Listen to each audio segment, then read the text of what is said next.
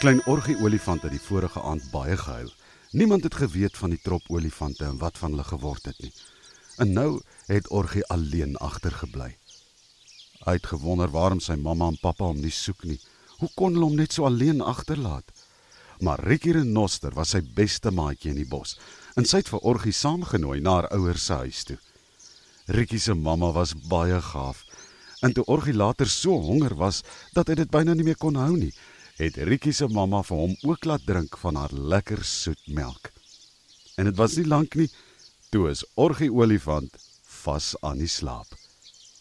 Later die aand toe Rikkie en Orgie lekker vas slaap, het Rikkie se mamma by die ander renosters gaan staan. "In my wêreld," sê een van die renosters. "Ek sien Rikkie se mamma het nou 'n klein olifantjie ryker geword."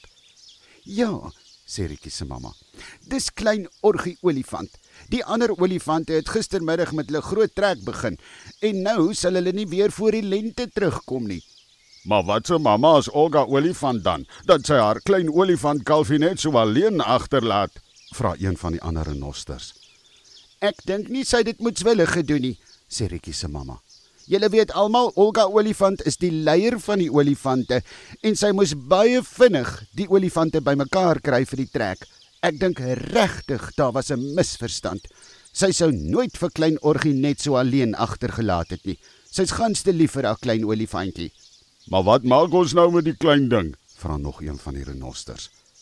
Rikkie se mamma het breed geglimlag en sy skuur haar horing op haar neus teen een van die groot boomstamme.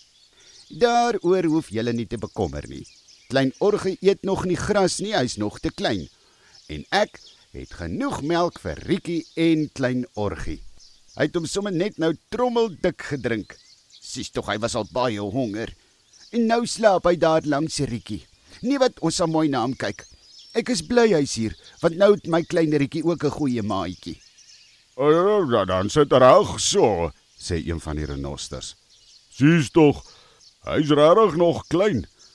Jy's 'n goeie renoster.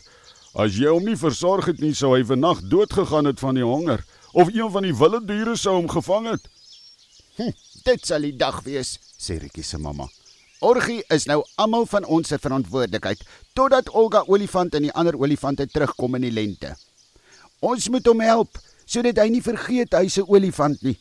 Ons moet hom ook probeer help om olifant dinge te doen. Oh, dit gaan vir ons almal 'n wonderlike ervaring wees. En julle sal sien, voordat ons weet, is die lente hier en dan is hy weer terug by die olifanttrop. Hoor, hoor, roep al die renosters. Dit gaan baie opwindend wees. Hoera vir Rikkie se ma!